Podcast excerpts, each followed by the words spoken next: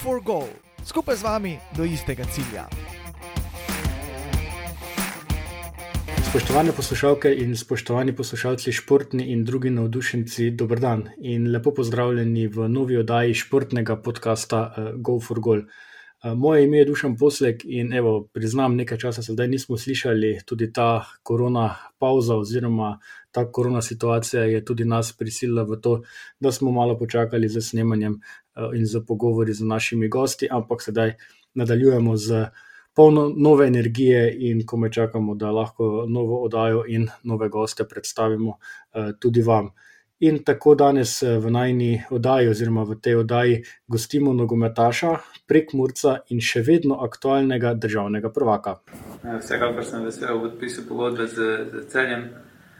Vesel sem, da tu poznam dosti, dosti igralcev že odprej in verjamem, da nam bo skupaj z strokovnim štabom in skupaj z igralci uspelo spisati eno lepo zgodbo. Tako kot, kot ste lahko slišali, eh, naš gost danes je torej Mitja Lotrič. Eh, Mitja je leta 2017 izrekel te preroške besede, eh, ki ste jih lahko zdaj slišali in v katerih je izrazil svoje želje. Ampak kdo bi si tistega leta, torej nekje pred tremi leti, mislil, da se bodo jeseni 2020 tudi uresničile. O tem, o njegovi poti, ki jo je prehodil do celja in sedaj do tujine, bomo govorili v današnjem podkastu. Torej, govorimo z nekdanjim igralcem in kapetanom še vedno aktualnega državnega prvaka iz Celja, ki svoje nastope sedaj nadaljuje v drugi nemški ligi pri ekipi Würzburger Kickers. Tako, eh, Mitja, pozdravljen, eh, dobrodošel v Go for Gold podkastu.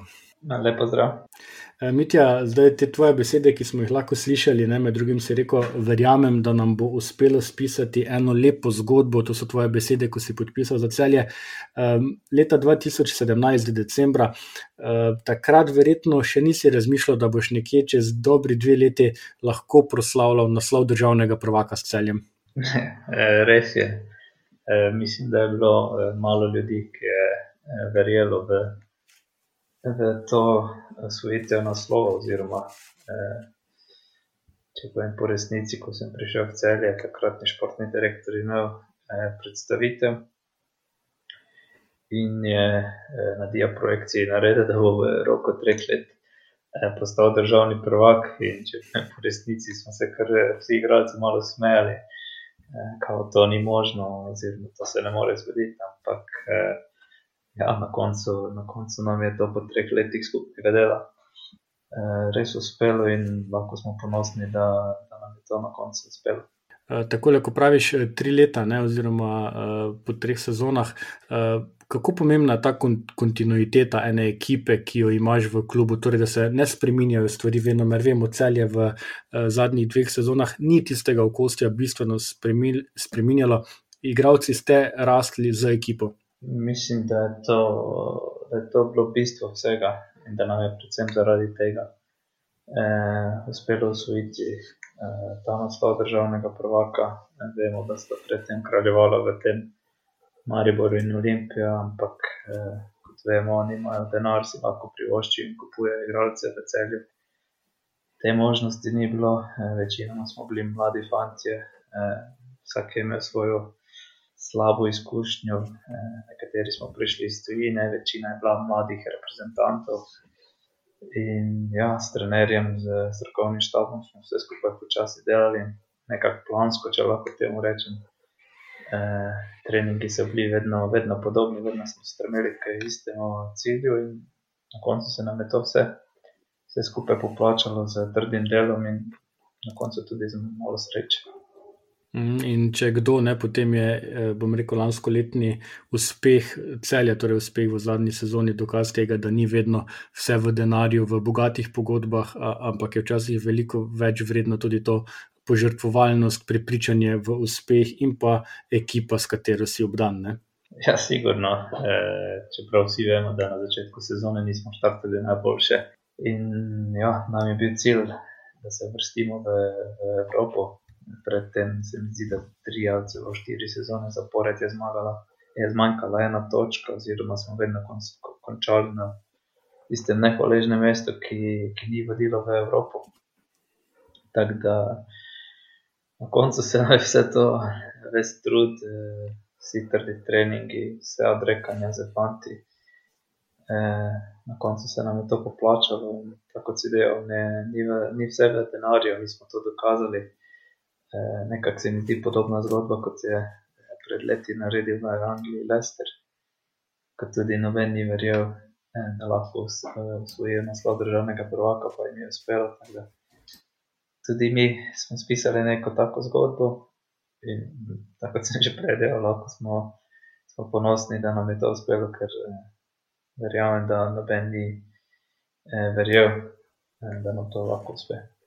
Ampak Zanimivo je tvoje razmišljanje, ko praviš ne, in kar tudi so dejstva, tudi točke lani so pokazali, res je, ne, celje je tudi v to šampionsko sezono, uh, ne bom rekel skromno vstopilo, ampak malo zadržano, dolgo je trajalo, da ste začeli osvajati redno točke, uh, ki so kasneje pripeljale do, do naslova državnega prvaka. Ampak kako pomembno pa je, da se tudi v teh trenutkih, ko ne gre, po načrtih, ko ni točk, ko bi že mogli biti, da ostane ekipa skupaj, da ima strokovni štab eh, zaupanje in ne na zadnje, eh, takrat ste tudi imeli eh, še podporo, oziroma jo še imate zdaj. Ampak bolj me zanima to, no, kako pomembno je, da res ostanete fokusirani bolj na tisti končni rezultat in da vas pomankanje točk ne spravi iz tira, oziroma vas ni spravilo iz tira.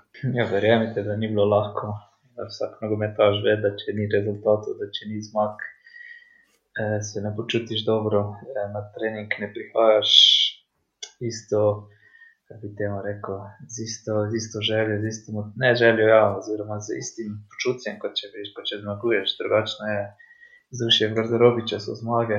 Eh, mi jih takrat nismo imeli, mislim, da smo v četrtem, petem krogu zmagali prvo tekmo. Ampak nismo upali, delali smo na treningih in oče je naša sreča, to je bilo to da smo bili večinoma mladi fanti, v garderobi ni bilo niti enega slabega karakterja. E, vsi smo se med sabo razumeli, bili smo ena res super klapa, lahko rečem, da družina, od ekonoma pa do čisto zadnjega igralca. Zaradi tega jaz, jaz pravim, da nam je uspelo in nam je bilo lažje, ker smo vsi razmišljali isto. Mm. In če smo zdaj še za trenutek ostavimo tudi pri tem, ne, tudi proti koncu sezone, ne, ko se je že začelo nekako nakazovati, da bi lahko celje uh, poseglo više, da bi lahko mogoče celo poseglo po naslovu državnega prvaka. Še vedno ne, so se našli posamezni dvomljivci, takšni, ki niso verjeli v končni uspeh vaše ekipe, torej takšni, eh, ki so menili, da boste pokleknili in bo naslov kasneje šel v druge roke. Kako zdaj vi gledate na vse te dvomljivce, oziroma kako gledaš na to, eh, na vse te ljudi, no, ki za neko negativno energijo skušajo podajati neka svoja mnenja? Ja, mene osebno je vsaka taka novica, ko sem prebral, da celje ne more spet eh, še dodatno motivirala. Eh, še bolj sem želel dokazati, da nam bo uspelo. In ja, proti koncu, kot sem dejal, nam je tudi malo sreča, ne pomagala do, do vsega tega, ampak kot pravijo, srečo si moraš eh, zaslužiti. Eh, mi smo si jo zaslužili, eh, na koncu potem lahko rečem, da tudi zasluženo, zasluženo zmagali, eh, oziroma osvojili eh, naslov prvaka. In pa vsekakor bila eh, zelo težka sezona, eh, je bila tudi korona in vsi vemo, da. Ni bilo treningov, mislim, da celo dva meseca nismo, nismo bili skupaj, oziroma mesec in pol. In ta, da nogometašu je težko trenirati individualno, oziroma brez žoge. So bili, so bili zelo težki časi, ampak moram povedati, da na koncu smo prišli eh, zmagovalci ven iz te korone, če lahko rečem, mogoče je nekomu korona eh, veliko vzela, eh, nam pa je na koncu lahko rečem, da tudi, tudi dosti dala. Mhm. Pa imaš ti občutek, da je celje na nek način se najbolje spopadlo z to pauzo, prisilno pauzo zaradi korone, torej sam si omenil več mesecev, ni bilo eh, pravih tekem, ni bilo tekmovalnega ritma, in po tej pauzi je dejansko celje izgledalo šampionsko in eh, to končalo na najboljši možni način. Je, nekako, je bilo celje nekakšen zmagovalec te pauze? Kot se da, sigurno smo bili zmagovalci te pauze. Verjamem, ja, na koncu tako je. Ker smo, ker smo pred to pauzo, koronsko pauzo, če lahko tem tako rečem, nizali dobre rezultate in smo šli na to dvomesečno pauzo z, z, dobrimi, z dobrimi rezultati in sigurno je bilo lažje čakati na novi začetek, kot pa če bi imeli slabe rezultate. Tako da, kot sem tudi dejal, smo, smo imeli, oziroma je bilo veliko mladih fantov in pri mladih fantih ni, ni problem, eh, da bi šel sam trenirati, oziroma motivacija, sigurno pri kakšnem starejšem igralcu, mogoče si reče, ok, danes pa, pa ne bom šel tega. Jaz verjamem, da v celju tega takrat ni bilo in da so vsi trenirali tako, kot smo dobili po planih. Eh, tudi skupne treninge smo imeli prek Zuma, kar je bilo takrat moderno. Mm. Ja, na koncu eh, smo se vsi veselili tistega prvega treninga, ko smo prišli nazaj in trzodelali eh, tistega prvega dne in vse do zadnjega. Uh, Mitja, uh, celje je dejansko več kot sto let čakalo na ta naslov državnega prvaka. Uh, po sezoni, oziroma kmalo po začetku te nove sezone, si tudi ti zamenjal klubske barve, stopil korak naprej v svoji karieri, zdaj nastopiš v drugi nemški ligi. Sedaj imaš mogoče priložnost, da tako malo z distance gledaš na ta uspeh celja v lanske sezoni. Kakšni občutki te zdaj prevevajo, no, ko se je vseeno vse skupaj malo umirilo, vse vemo, ne, po, po zaključku lanske sezone, mislim, da ste imeli koliko, manj kot pet dni, ste imeli odmora ne, in ste že začeli s treningi za, za novo sezono je bilo sploh kaj časa za proslavljanje, ali, ali šele zdaj prihaja, uh, rekel, prihajajo ti občutki, ko res lahko vidiš, kaj ste dosegli lani. Ja, res je, da ni bilo veliko časa za slavje. E, tudi takrat, tisto noč, uh, ko smo osvojili uh, naslov, smo šli s fanti skupaj proslaviti, ampak nismo mogli kaj dolgo, ker je prišla policija in uh, smo mogli zapustiti en bar ker smo bili tako, da tudi to ni, ni, ni nekako šlo skozi. Ampak, tako kot se deje, bili smo fraj štiri dni, vsak je šel na ta kratki dopust, uh, hitro si se vrnil nazaj, ker so spet le evropske tekme. Mogoče je bilo po eni strani super, da je bilo kratko, zaradi tega, ker so se začele evropske tekme in zaradi tega igraš nogomet, eh, čim prej igraš take tekme. Igrali smo kvalifikacije za Ligo Prvako, za Ligo Evropa in to so neke nove izkušnje za vsakega vsakega fanta od nas. E, je pa res, da tudi zdaj se še dosti slišim z svojimi bivšimi soigralci in dosti krat se pogovarjamo o tem, kar nam je, kaj nam je lani uspelo. In, ja, ponosni, smo, ponosni smo lahko na to, ampak e, kar bi temu rekel, na spominih e, ne moreš dolgo živeti. Mm, Nova je, sezona je, hit, kaj hitro se to vse pozavi skupaj. Mm. Tudi to se je treba truditi delati naprej in osvojiti spet kakšne konice. In tudi celje kot takšno je, eh, tudi kot ekipa, kot organizacija, vsi lahko spremljamo, je letos po, vseh, po vsem tem, kar se je dogajalo, sam si omenil že kvalifikacije in podobno, so občutili ne, to trdoto, bom rekel, tega uspeha, spet, ne, ko se je začelo prvenstvo, so spet, eh, bom rekel, manjkali tisti točkovni rezultati, sedaj se spet počasi dvigajo.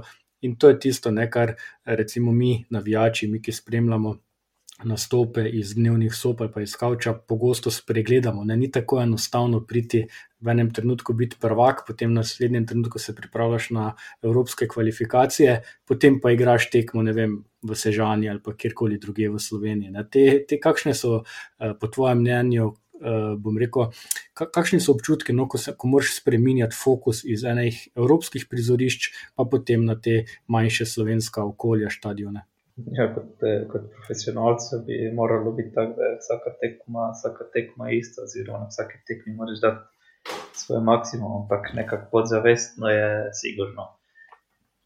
Ko greš igrati tiste evropske tekme, ko že vse vidiš, da je organizacija že na, na višjem nivoju, ko se vse greš z letalom na tekmo, ko je pač res vse na višjem nivoju, res počutiš eh, nogometaša in da res delaš za vse to. Potem pa ja, težko je, ko se vrneš spet domov in moraš spet prvenstvo. Eh, ne glede na to, igraš proti Sežanu proti Mariboru, težko je preklapljati iz, iz Evrope in mislim, da. Da to večina klubov v Sloveniji ima težave, ste bili imeli samo celje. Ja. Sam sem pred leti igral s Koprom, isto v kvalifikacijah za Ligo Evropa, pa smo tudi v prvenstvu imeli težave. Mm. Tudi Maribor ima ponavadi se eh, lovi prvih par tekem. Držijo. Mm. Čim prej preklopiš, toliko boljše je za, za igralce, za klub, eh, sigurno pa tudi veliko vlogo igrače imaš eh, široki kader. Uh -huh. uh, Mitja, pa če se še zdaj, le, recimo, za trenutek vseeno mogoče vrnemo na tisti trenutek, ko si ti uh, dvignil to kanto, kot ti rečemo, uh, temu pokalu za, za naslov državnega prvaka, naredil si to kot kapetan kluba. Kaj je ta trenutek tebi osebno pomenil? Ti si bil dansko prvi nogometaš v zgodovini celja, ki je dvignil ta pokal. Za tebe je bila to verjetno ena, en magičen trenutek. Kako si ti doživel ta trenutek? Ne moreš opisati eh, tega trenutka, če povem po resnici. Uh, pred tekmo že sem verjel, da nam lahko uspe. Fantom se tudi v skupini napisal, da smo za to trdo delali in da danes je čas, da to dokažemo. Da vzamemo to, kar se nam je ponudilo, in ja, potem na koncu, ko nam je to uspelo. Ja, ni besed, eh, da bi to opisal. Potem pa, ko še jaz osebno nikoli nisem držal tega pokala v roki, potem dobim pokal v roko in da ga ni držal v roki, ne more, more vedeti, kako je težki. da ni to neka lahka stvar, ampak da je res, mm. res težki pokal. Ja, in če zračunaš ves trud pa odpovedovanja, ki so vložena v to, da ga lahko dvigneš, potem je njegova teža upravičena. Ja, z razlogom. Tako. Uh, Mitja, še nekaj, uh, kar nekaj je bilo v pretekli sezoni ali pa v preteklem obdobju govora tudi o tvojem odnosu z glavnim trenerjem uh, Dušanem Kosičem, ampak uh, ne glede na vse prigode, je trener na koncu vendarle sestavil sestavljen kot tako, da ste postali prvaki. Vi, vi in tudi vaši, oziroma tvoji soigravci, pa ste bili nenadomestljivi del v, te, v, v tej sestavljanki. Povej mi, kakšen je tvoj pogled na te odnose med tabo in trenerjem? Ja, to, kot sem že v intervjujih prej povedal, ko sem prišel v celje, eh, sigurno ni bilo najlepše. Oziroma, vem, da je trener pričakoval od mene veliko več, kot sem jaz dal kot klubu. Ampak ponovadi je tako, ko zamenjaš okolje, se ljubiš nekaj časa, vse je novo za tebe, tako je to tudi za mene. E, jaz sem vedel, če sem sposoben, ampak da rabim čas. Trener je trener je želel nekaj, jaz sem bil vajen eh, drugačnega nogometa in nekako se v tistem trenutku nisva, nisva našla. Ampak s treningi, oziroma s časom, potem za kakšno dobro tekmo, eh, sam sebi tudi dvigneš samozavest in trener to tudi opazi. Tako je bilo eh, s treningi, z, z tedni, z meseci. Eh, smo zgradili, ne samo jaz, večina fantov, neki odnos. Eh, res družinski. Ko smo se s trenerjem eh, veliko pogovarjali, to je za mene res bilo odločilnega pomena, da trener prija do tebe, pa ti pove, kaj ga moti, oziroma se lahko tudi ti z njim pogovarjaš, ne samo na pametne stvari, ampak lahko tudi zasebne, oziroma če te kaj drugo muči. Ja, na koncu lahko povem, da je dušen trenutno ja, najboljši trener v moji karieri, oziroma največ sem se naučil od njega. Mm, in to je danes tudi neke vrste priznanje, ki ga verjetno trenerji tudi najraje slišijo. Uh, pa te recimo to razglabljanje o tem, vem, mediji so te že veliko spraševali, sam si omenil uh, to, uh, veliko so te spraševali o tvojem odnosu z, z Dušanom Kosičem. Te moti, da recimo se sploh mediji, pa ne nazadnje tudi mi dva danes dotikamo te teme, ali bi to vendarle moralo. Po tvojem ostati znotraj svečilnice? Ne, za mene je to ena zanimiva tema mene to ne moti, povem pač, kak je bila resnica. In mislim, da tudi trenerja ne moti, tudi trenerje. Sam to povedal, eh, da so imela pestro, eh, pestro, pestro odnos, ampak na koncu se je vse lepo, lepo zaključilo in še zdaj se, se slišijo po telefonu, čeprav, čeprav nisem več v celju in mislim, da tako meni isto njemu eh, to veliko pomeni, da smo ostali v dobrih odnosih. Mm, odlično. Eh, in ko govorimo ravno o dobrih odnosih eh, v zadnji sezoni, ko sta še oba igrala za celje, smo lahko občudovali, kako se vidva z eh, Darjem Vizingerjem razumeta, kako se najdeta na igrišču, kako deluje vajen duo v celju. On je malo pred tabo zapustil klub, nekaj tekem si potem odigral brez njegove družbe. Povej, kako se počuti uh, napadalec, oziroma kako si se počutil ti, ko so ti vzeli eno tako, bom rekel, pomemben člen v igri, v napadu, v organizaciji. Ja, sigurno sem bil uh, odvisen, uh, tudi jaz, dosti udarja. Uh, z njim sem vedel, igrati, če lahko tako povem, z zavezanimi očmi, vedel sem, kje se nahaja. tri leta sva delala skupaj na treningih, sva bila non-stop skupaj v ekipi. Veliko sva se pogovarjala in mislim, da se je to na, na igrišču tudi poznalo. Eh, vsako tekmo sva res eh, bila nevarna za gol. On je dosegel vsako tekmo skoraj gol. Da, eh, za, mene, za moje pojme, eden najboljših napadalcev, ko sem jaz eh, igral, da je glede na učinkovitost. Eh, jaz še zelo mlad, tako da verjamem, da je pred njim. Eh, svetla prihodnost in ja, veselje in čast mi je bilo, da sem, da sem igral z njim. Je pa sigurno, sigurno težko, ko, ko si na nekoga vajen in ti to vzame in se moraš spet eh, navajati na nekaj drugega, ampak eh, to je nogomet. Eh, Hitro se treba prilagajati, navajati eh, na nove stvari, ker ni, ni časa, Mhm. Ja, edina, edina stalnica v nogometu, kot radi rečemo, so, so spremembe. Ne? Uh, in spremenjajo se trenerji, spremenjajo oziroma zamenjajo se uh, soigravci, in na zadnje si tudi ti, potem, kaj kmalo zamenjal klub, našel si novo sredino, šel si v, v drugo nemško ligo povej takole, eh, ko na prvi pogled gledamo, ne, eh, kakšen je za tebe eh, ta prestop iz kluba, kjer si bil recimo državni prvak, slovenski državni prvak, pa v drugo nemško ligo. Kaj te je vodilo k tej odločitvi, da si izbral ravno ta klub, torej Würzburger Kickers? Hmm, predvsem zaradi tega, ker so pokazali zanimanje. To je, to je bilo za mene največ prvega dne, ko so poslali ponudbo na klub, smo se stalno slišali in to je bilo, to je bilo največ, kar lahko, verjetno. Eh, si nogometa želi, da te, da te klub in uh, ljudje iz kluba res želijo. In zaradi tega sem se odločil eh, za ta prestop, in pa tudi zaradi tega, ker vem, da Nemška druga liga je ena izmed najboljših, eh, če ne najboljša druga liga na svetu. In mislim, da je to velik korak. Naprej v moji karieri. Uh mhm.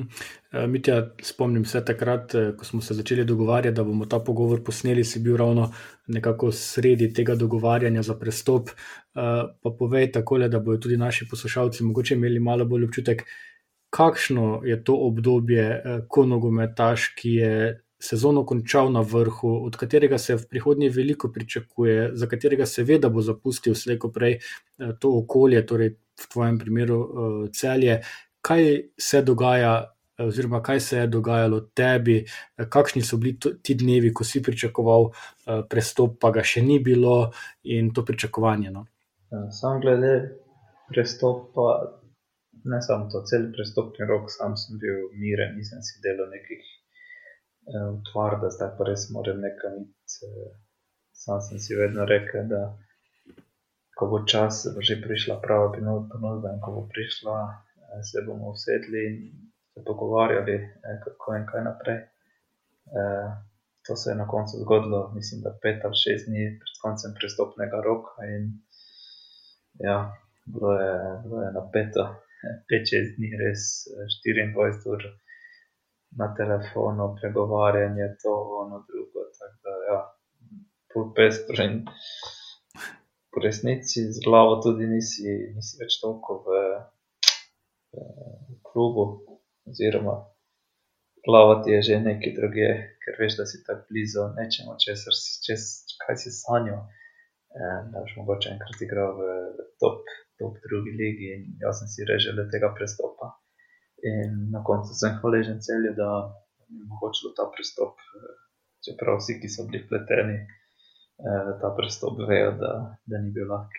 Pa je bila kakšna možnost, da ostaneš v celju po, po lanski sezoni?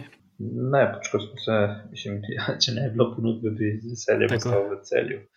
E, mm. Sam sem, tako kot sem že prej dejal, ne bi si želel iti nekam z glavo skozi Mm -hmm. Tudi nekam v tujino, eh, da me nekdo porine v tujino samo zaradi nekega denarja, oziroma da se nekdo koristi zaradi tega. E, sam zaradi tega ne bi nikoli šel v tujino. Mogoče zaradi tega, ker sem že imel eno slabo izkušnjo predtem na Cipru in sem zdaj bil toliko bolj previden, ampak pravi Nemčija, to je bila druga zgodba. In ko sem videl, ko sem jim predstavil vse to, eh, sem od prve sekunde vedel, da, da si tega želim. In sam sem tudi po eni strani prijel in uh, si želel da bi celju to razumeli. Na koncu so mi prisluhnili in kluba sta se dogovorila. In kot sem dejal, hvaležen sem jim, da, da sem jim omogočil ta pristop. Mhm. Zdaj, za slovensko ligo uh, ni redkost, ne, da igravci iz klubov, ki usvojijo naslov državnega prvaka, potem prestopijo bodi si uh, v Olimpijo, bodi si v Maribor, še vedno dva največja kluba na naših prostorih. Uh, je, bila, kak, je bil kakšen interes tudi iz teh dveh klubov? Ne, v resnici povedano, nisem pogovarjal z nobenim iz slovenskega kluba, niti eh, dvomim, da bi kdo lahko cenil plačo eh, tako Mhm. kot mi, glede na to, kakšno je trenutno stanje eh, svetu. Tako da si dejansko na koncu zadovoljen, da je, da je prišlo do te realizacije. In če bi zdaj mogel, oziroma če bi jo primerjal organizacijo kluba, kjer trenutno igraš, torej v drugi nemški ligi, s klubi iz prve eh, slovenske lige, kje ti vidiš tiste glavne razlike? Eh, že prej si nekaj omenjal v sami organizaciji, v samem temu, da je poskrbljeno za igralce. Kaj bi še izpostavil, kaj je takšnega, kar res, recimo, drugo nemško ligo dvigne toliko nad eh, slovensko?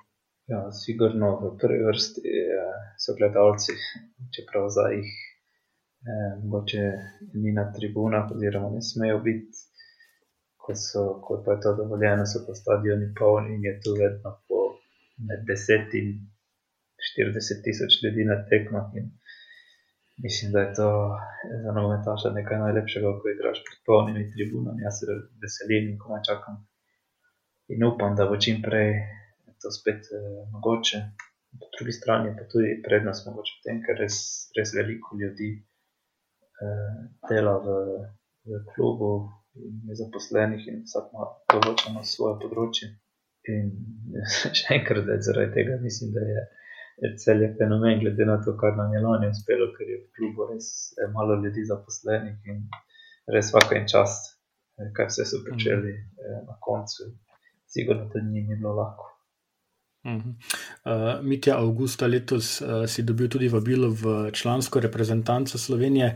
Uh, zdaj, če se premaknemo kar nekaj let nazaj, ne pri desetih letih, ko si recimo začel svojo nogometno pot v NK uh, Puconci, ne v Prekmurju, si si kdaj takrat uh, mislil, verjetno želel si si, ne, ampak si si kdaj predstavljal, da boš, ne vem, tam leta 2020 pa dobil celo reprezentančno vabilo. Ja, želi si verjetno vsak nogometaš obleči dres državne reprezentance, to sem si tudi jaz želel, ampak ko si tako mlad, mogoče niti ne razmišljaš toliko o tem, razmišljaš samo o, o nogometu, kako boš šel na trening, kako boš zadovoljen šel domov z treninga, oziroma da boš čim boljši na treningu in tekmah in tako sem bil tudi jaz. Za leti, ko, ko dobivaš izkušnje in vse to, pa, pa pride tudi še vse ostalo zadaj.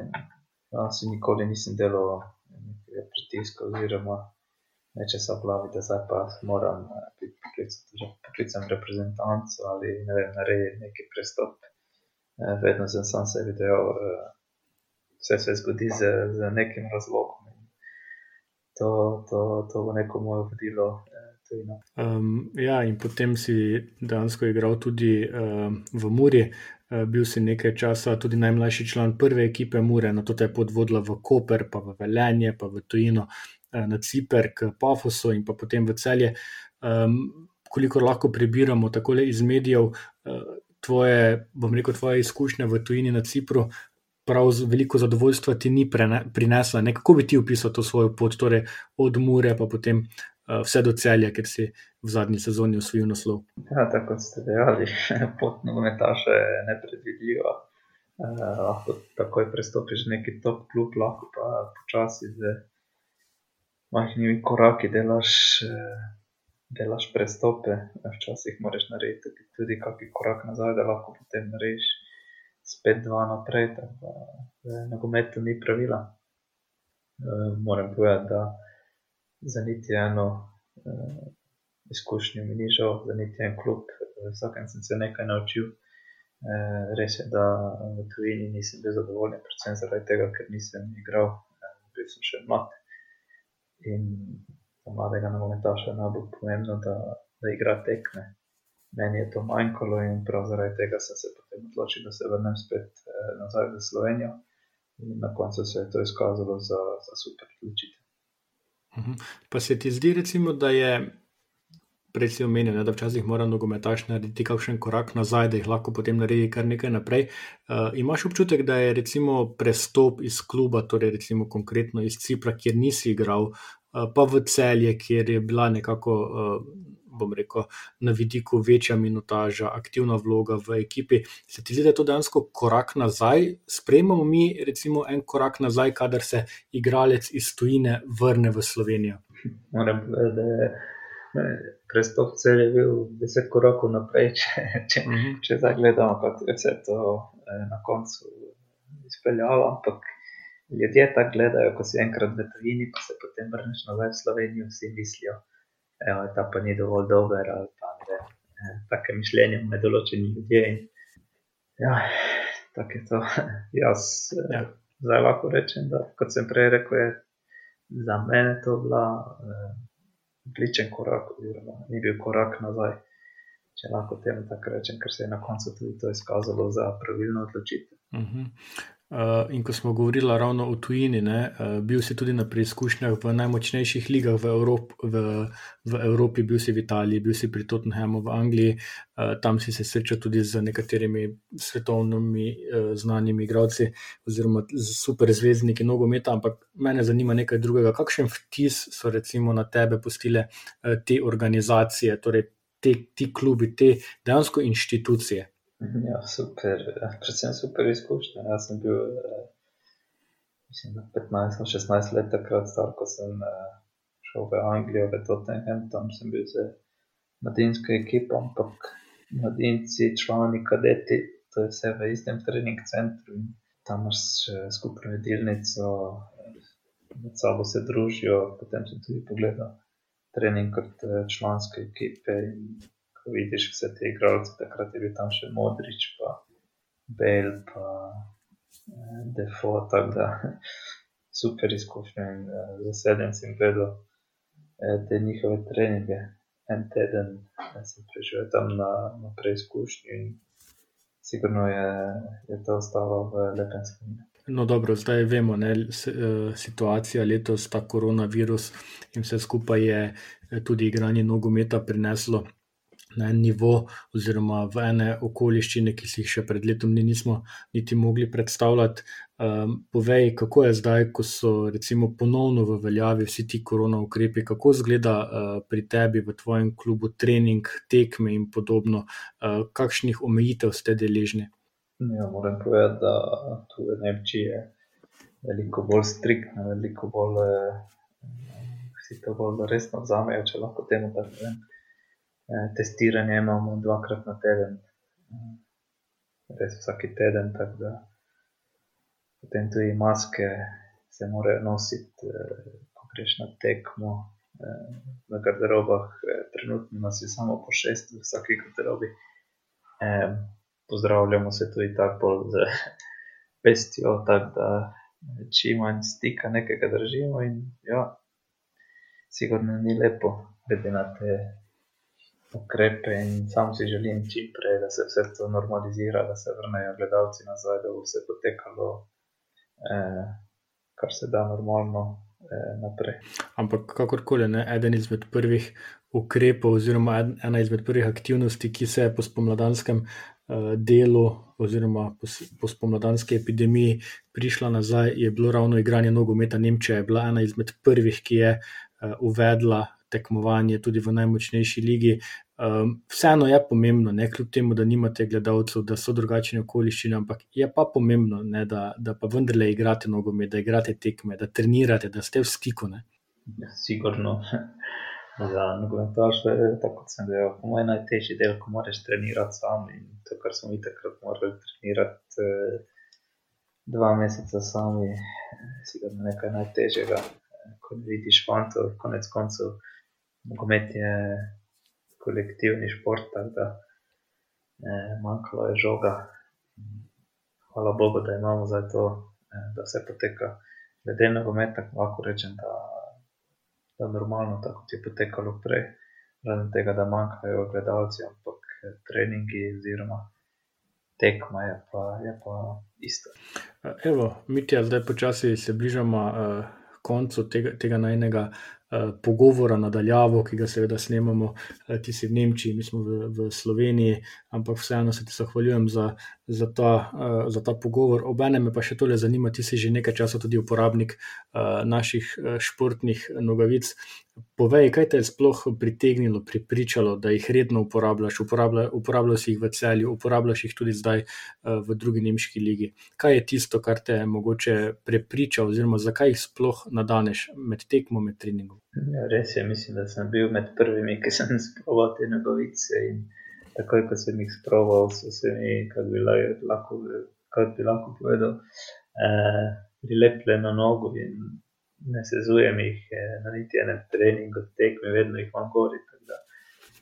Eh, predvsem zaradi tega, ker sem ponovadi imel žulje z katerimi drugimi nogavicami, ampak kot kar uporabljam, eh, go for goal, moram povedati, da tega res malo oziroma skoraj nijo.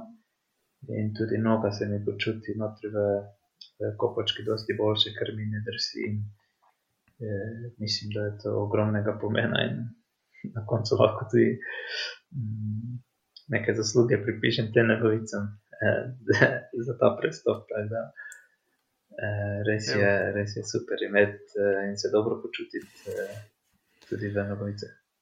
No, super, evo, Mitja, hvala ti tudi za, za, za te besede. Eh, tudi mi, eh, tako ponavadi, ko se z sogovorniki pogovarjamo o tem, kaj jim pomenijo naše nogavice, zakaj jih uporabljajo, smo najbolj veseli ravno teh odzivov, ker to so dejansko odzivi, ki jih date športniki iz terena, ki jih date športniki, ki resno vedno in zelo pogosto nogavice uporabljate in spoznavate vse prednosti uh, leteh. Tako da hvala ti tudi za to, hvala ti, da, si, uh, da sodeluješ z nami tudi pri promociji naših športnih nogavic Go for Goal in kakorkoli, gledaj, kamorkoli te bo te bodo tudi naše nogavice ponesle, kot si sam dejal, kamorkoli, ali bo to tujina ali bo to Slovenija. Želimo ti obilo, obilo uspeha, obilo zdravja in da bi res dosegel eh, tiste cilje, ki si jih sam želiš, oziroma ki si, si jih sam postavil. Najlepša hvala za želje.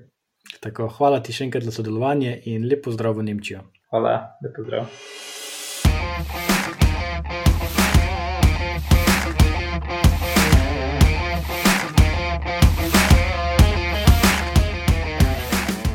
For Goal, skupaj z vami do istega cilja.